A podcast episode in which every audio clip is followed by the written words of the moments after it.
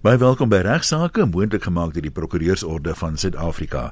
Ek is Ian Wessels en by my my geleerde vriend Ignas Kleinsmid wat luisteraars se vrae beantwoord. Ja, dankie Ian, dankie dat jy ingeskakel is luisteraars en vandag is dit uh, natuurlik goeie nuus waarmee ek wil begin. Dit is die Nasionale Testamente Week. Skop vandag af by talle talle prokureursfirmas oor die hele land. Van vandag af tot Vrydag, dis 11 tot 15 September, reël die Prokureursorde dat deelnemende prokureurs aan u 'n gratis konsultasie sal toestaan vir die opstel van 'n testament of hersiening van u bestaande testament. So skakel die prokureurs in u omgewing om uit te vind wie deelneem en dan kan u gaan hoor of u testament nog reg is of u dalk 'n nuwe basiese testament wil opstel vandag die geleentheid in hierdie week. En die opstel van die testament behalwe die konsultasie is ingesluit dan by die die gratis pryse as ek dit sou sê. Dis 'n gratis is 'n gratis testament wat ook vir jou opgestel word, maar let wel ons voorveronderstel hier dat daar nou nie ingewikkelde boedelbeplanning by betrokke is nie, maar die prokureur sal hier binne daardie halfuur adviseer en sê hoorie hierdie saak uh, ons dit en dit en dat doen en dit gaan u soveel kos uh, as dit nie net 'n normale gewone testamentjie is wat opgestel moet word nie.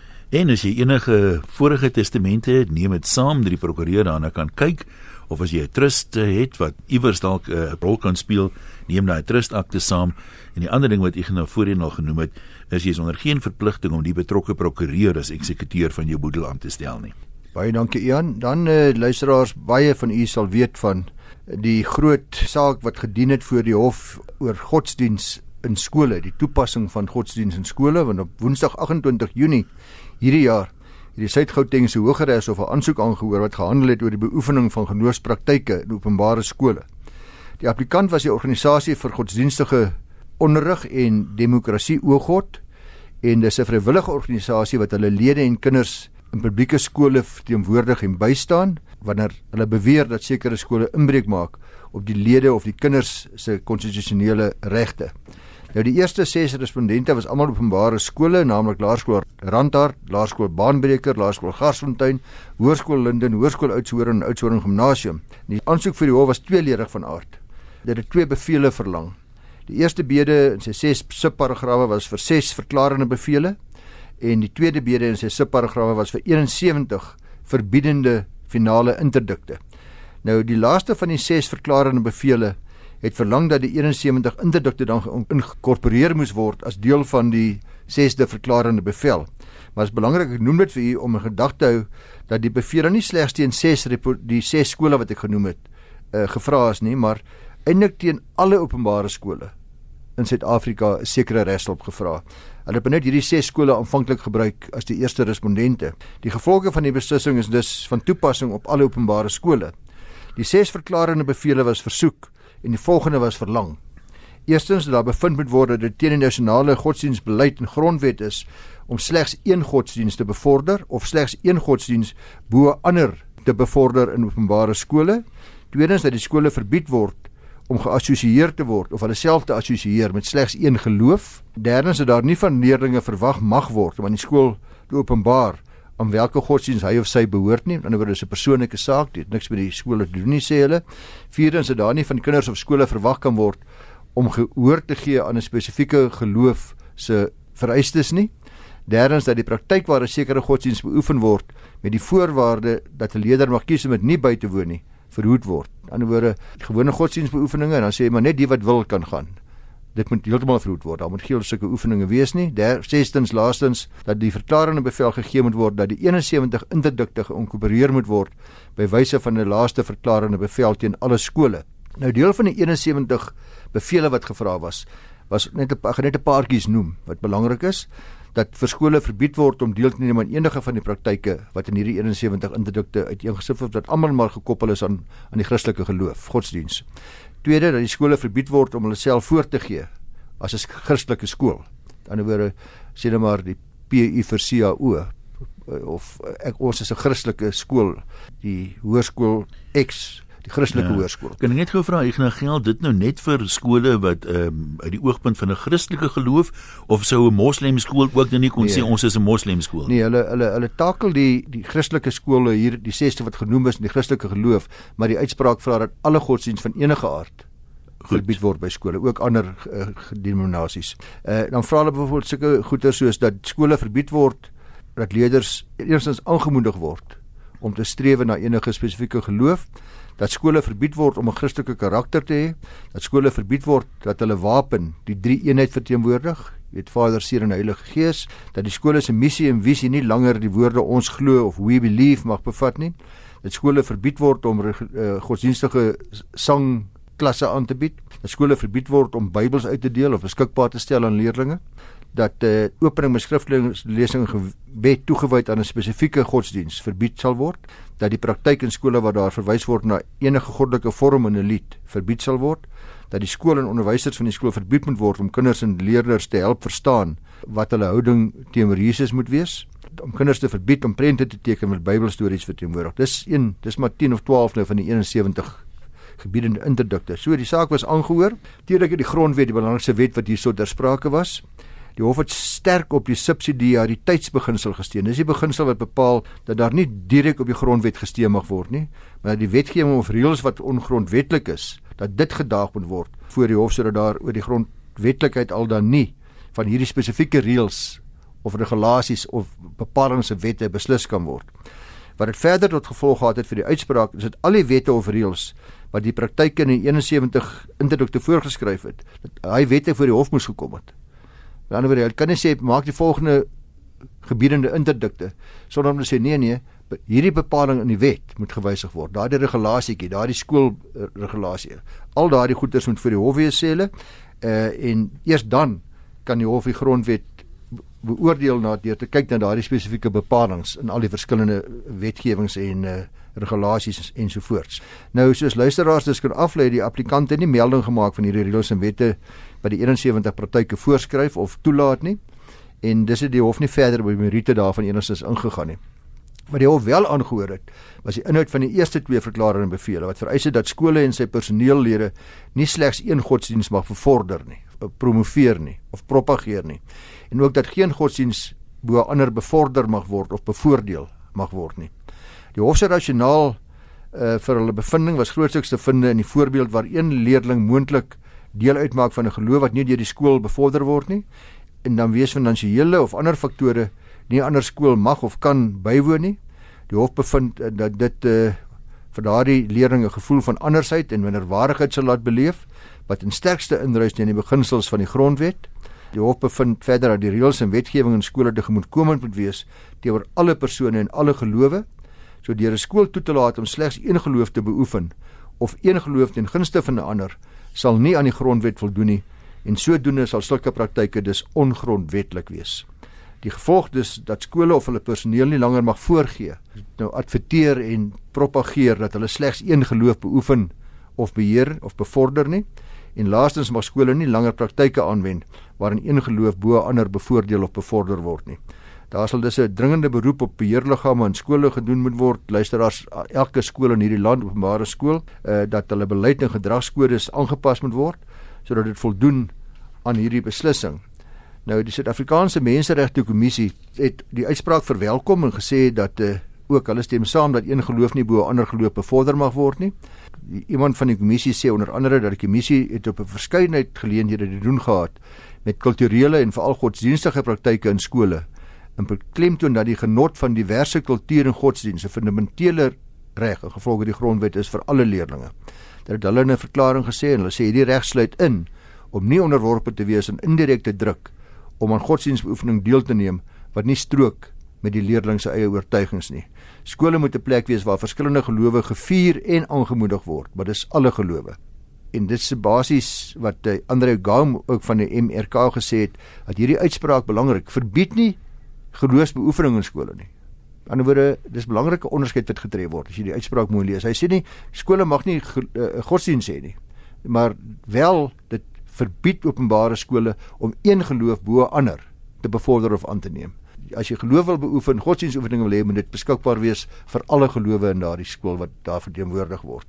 Onder andere is daar ook gesê dat uh, skole mag steeds oop en dis een interpretasie wat een van die spesialiste hier gegee het is dat die uitspraak beteken steeds dat skole mag oop met skriftelike gebed dat hulle Christelike verwysings in hulle skoollied en skoolwapen mag hê maar eh, dan moet dit op so 'n basis wees dat daar geen kinders is wat daarteen aanstoot kan neem of ander gelowe wat daarteen uh, beswaar maak nie. So op hierdie stadium kan kinders ook verplig word om op te openbaar aan watter kerk behoort ons, watter geloof behoort ons. Korrek, ja, korrek. En dan waar daar dus op 'n eh, op 'n webwerf webblad staan dat skole Christelik Christenwaardes uitleef, is dit baie duidelik dit sal moet verander. Want er staan nou baie mense se missies en visies en beleide en ja, so ja. en ja. Dit sal moet weggaan. In die uitspraak sê regter Willem van der Linde dat die LER vir onderwys het ook die mag om die godsdienstbeleid van bepaalde skool te hersien. Dit is ook baie belangrik. Eh, belangrik hierdie spesifieke deel van die uitspraak het baie min aandag in die pers geniet. Ek dink nie ek het iewers ook te raak geloop nie, maar dis 'n belangrike bepaling, maar daar's talle hofsaake gewees oor wat die magte is van 'n uh, eh, LER vir onderwys in 'n provinsie en hier word spesifiek gesê hy het die mag om die godsdienstbeleid van 'n bepaalde skool te hersien. Sou hy meen dit druis in teen die bepalinge van die grondwet. So interessant luisteraars. Ek het pas in die pers gesien daar word nou ook weer 'n klomp ander skole getakel en al daai skole se reaksies sover kon aflei die pers was goed. Ons sal hoef ons nie hof toe te vat nie. Ons sal voldoen aan die uitspraak en dit wat daarmee gepaard gaan en wat vir ons verwag word. Was daar enige getuienis voor die hof of ooit aangehaal? Ek het niks gehoor nie, so kom ek nou vra van kinders wat daadwerklik benadeel is deur die verskillende 'n beoefening van godsdienstpraktyke. Want as ek nou byvoorbeeld terugdink in my eie skool daar, dit mag 'n Christelike skool wees, maar sommige van die kinders gaan na charismatiese kerke toe, ander gaan na meer tradisioneel kerke toe, die susterkerke of wat ook al, of 'n kerk wat meer konservatief is, en daar was tog selfs tussen daai kinders, dit kinders kan maar wreed wees. Ja, ja. Julle is die happy clappies, jy weet, en ons is reg. Ja. En jy mense, veral as 'n kind, jy's altyd geneig om dit wat jy glo, wat jou ma en jou pa vir jou geleer het, is reg en die ander is verkeerd. Ja. Maar is daar enige iets op rekord gewees van daadwerklike benadeling deur hierdie geloofspraktyke? Uh ek het nie die totale hofsaak gelees, net die uitspraak gelees, Ian, maar as jy die uitspraak kyk, is daar min twyfel dat daar volledige uh, inligting en argumente was ten opsigte van die nadeel wat kinders ly as hy 'n minderheidsgroepie is wat die godsdiens betref. Ek het nou net vir jou net een stukkie daarvan ja, gelees ja. waar die hof sê hoe 'n kind moet voel. Hy voel minderwaardig as hy uitgesonder word om te sê al is dit vrywillig om die godsdienstoefening by te woon. Sê maar ek voel moet om te sê ek wil nie gaan nie, dan staan jy net maar daar een kant. Staan jy net een kant en jy gaan nou maar iets anders doen. En dan wonder jy wat is daar eintlik verkeerd? Is jou ouers nie dalk verkeerd as jy 3 is? En 97 woon nie woon by uit die 100 en jy is die 3 wat nie bywoon nie. Die praktiese ding is nou maar so, dan al jy kan nie kies waar as jy gebore nie. Ja. En as jy gebore is in 'n sekere familie, dan gaan hulle jou Sondagskool toe stuur na waar hulle gaan, hulle kerk. As jy gebore is in 'n ander familie, gaan hulle jou stuur na 'n ander toe. So dink die meeste mense bly by die kerk en by die geloofsbeoefening waarmee hulle groot geword het aanvanklik. Ja, jy sien die probleem is dit uh, as jy nou dink aan die skole wat ons in uh, was toe ons jong mense was, was die hele gemeenskap se aard en karakter was 'n Christelike ene. Absoluut. Deesdae het die vermenging van kultuurgroepe en rassegroepe en geloofsgroepe uh, by skole en in ons Suid-Afrikaanse gemeenskap, daardie situasie dramaties verander by skole. Nou moet jy en en die argument is natuurlik, soos jy dit reg opgemerk het, dat mense godsdienstbelewing uh, dit daar waar jy geleer word hoe jy watter God jy moet aanbid. Dit vind by die huis plaas. En dit behoort dan as jy na hierdie uitspraak kyk eintlik by die huis te bly ook. Hmm. Alhoewel daar nie spesifiek gesê word geen godsdiens meer nie. Word dit gesê, weet wat, moenie kinders hier probeer beïnvloed ja. Op skoolvlak nie. Dis nie billik nie. As ek dit nie mis het nie, is dit in hierdie saak wat syfers aangehaal word, maar ek het dit ook in die koerant gelees, so ek mag verkeerd wees, maar uh, dit kom uit die uit die hofstukke uit dat 86% van Suid-Afrika se algehele bevolking beskou hulle self as Christene. Ja. En en dis waar dis waar my interpretasie inkom. 95% sê hulle assosieer hulle met die Christelike geloof. Nou weet ek nie wat doen daai 9% nie. Jy's nie 'n Christen nie, maar jy assosieer met die Christelike ja, geloof. Ja, is bietjie vir my semanties. Ek weet nie wat dit beteken nie, ja. maar gegee as jy nou net gesê die die wyd uiteenlopende kulture en so aan deesdae, kan ek amper nie glo so baie mense is Christene nie. Dit voel vir my as jy nou aan die 86% aanvaar, net 14% van die ja. 50 miljoen wat dan nie Christene is nie? Ja, ek sal nou nie daai vrae antwoord nie. Wat wel wel belangrik ook is wat die luisteraars moet verstaan, is dat hierdie saak het gehandel net met openbare skole, staatskole. En 'n vraag wat by my opgekom het, wat sou die verskil wees? Sou dieselfde beginsels nie ook geld vir 'n privaat skool nie, want dieselfde diskriminasie, dieselfde moontlike nadeel, dieselfde moontlike minderwaardigheid, dieselfde grondwet is van toepassing. Die verskil is waarskynlik dat ek kan adverteer dan as 'n privaat skool dat ons het 'n Christen Christelike ethos, ons is 'n Christenskool en as jy hier wil kom studeer dan is dit die reëls. Ja, dis ook gewoonlik redelik duur privaat skole, ja. so die argument van bekostigbaarheid, dis my enigste opsie as skool val grootliks weg. Korrek, ja. Dit is so. Jy luister na regsaake op RSG saam met my Een Wessels en Ignas Kleinsmid. Ian in die erfreg kry ons wat ons noem intestate erfopvolging. Dit wil sê daar's geen testament nie en hoe vererf my boedel dan nou?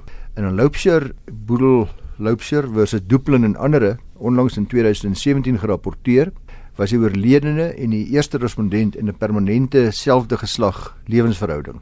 Hulle het mekaar wederzijds onderhou, maar nagelaat om hulle verbintenisse te registreer in terme van die Wet op Burgerlike Verbintenisse. Dis 'n 2006 wet wat sê dat selfde geslag verbintenisse kry geldigheid as hy dan geregistreer word. Die oorledene het toe nou intestaat gesterf en uh die enigste persoon wat uh, nog moontlik kon erf was sy broer gewees en uh die applikant wat ook die eksekuteur van die boedel was uh, en dan ook die oorledene se lewensmaat. Soos die broer en die lewensmaat wat moontlike erfgename is, daar word toe nou 'n saak in die Hooggeregshof gemaak om te bepaal wie is dan geregtig om te erf in hierdie geval. Die hof kyk na die volgende gesag.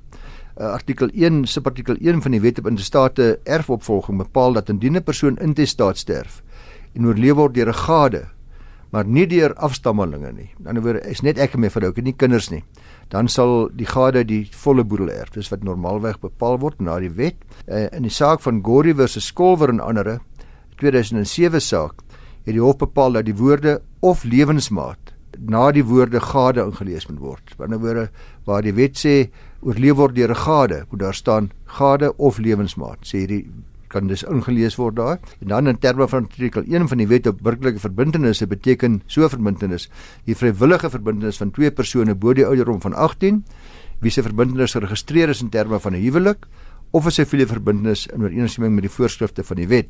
Nou in hierdie geval hierdie lewensmaat en die oorledene nie hulle verhouding geregistreer nie. Dis eintlik die vraag is nou kan hy nou nog steeds as 'n lewensmaat beskou word vir doeleindes van die intestate erfopvolgingswetgewing. Die applikant se argument was dat slegs persone in 'n siviele verbintenis kan erf.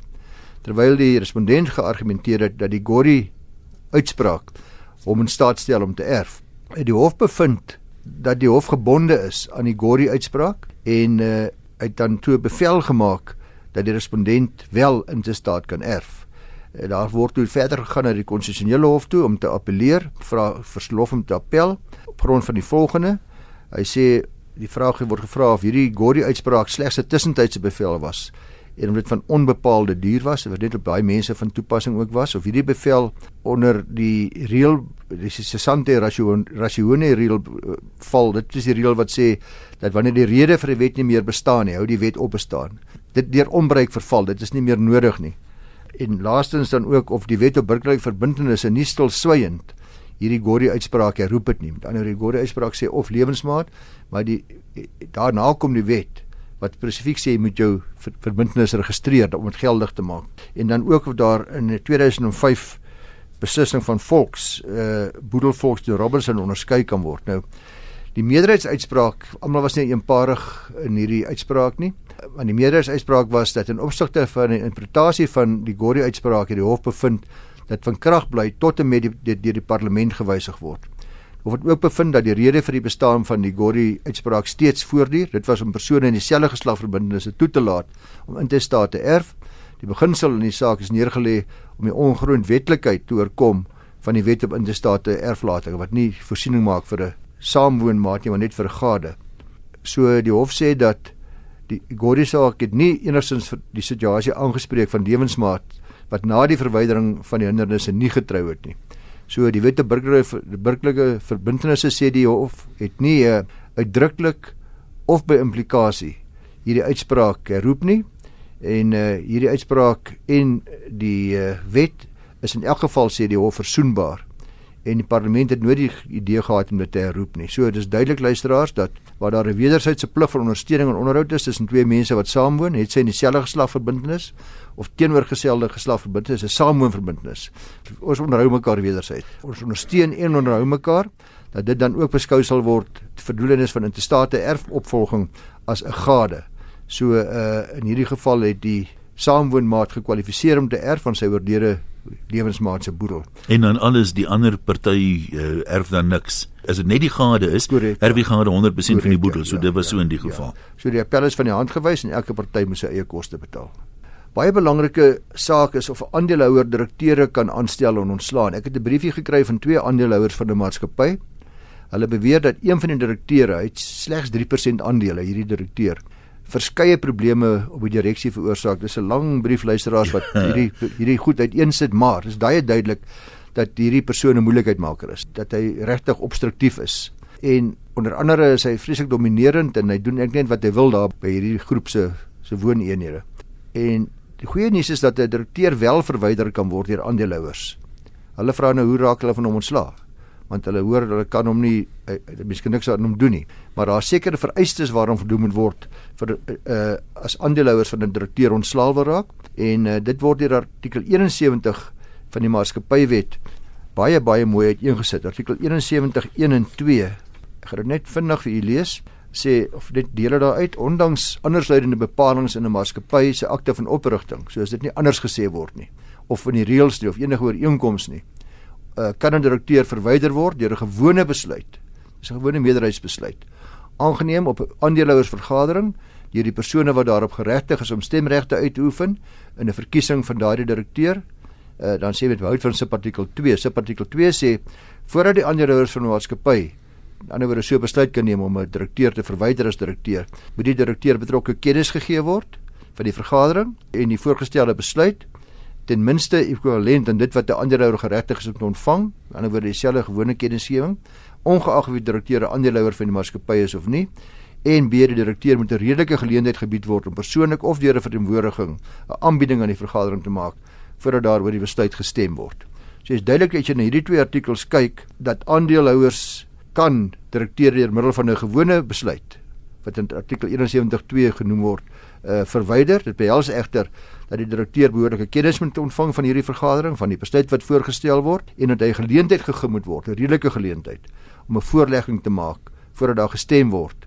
So 'n voorlegging sal nou basies argumente wees hoekom hy nie ontslaan moet word. Ja, met ander woorde, ek wil die vergadering vir die lede toespreek. Ek sal by die vergadering moet ek gespreek weer hê. So hierdie is ook om twak hierdie, jy weet julle praat nonsens en dis nie waar nie en hierdie ouens is bevooroordeel of hulle is heeltemal foutief of hulle verstaan nie die wetgewing behoorlik nie. Maar uh as ook 'n uh, artikel 71.3 wat bepaal dat uh waar die direkteur nie die belange van 'n instelling en titel van 'n direkteur beheer dra nie, uh of die persoon onbevoeg of gediskwalifiseer is, dan kan hy ook verwyder word. So 'n direkteur word uit sy amp onthef omdat hy uh, onbekwaam is, omdat hy om ander redes gediskwalifiseer is, nalatig is, pligsversakend is uh, na die gelang van die geval, maar ook in hierdie geval, die wat hulle hier genoem het dominerend, obstruktief, maak dit vir almal moeilik.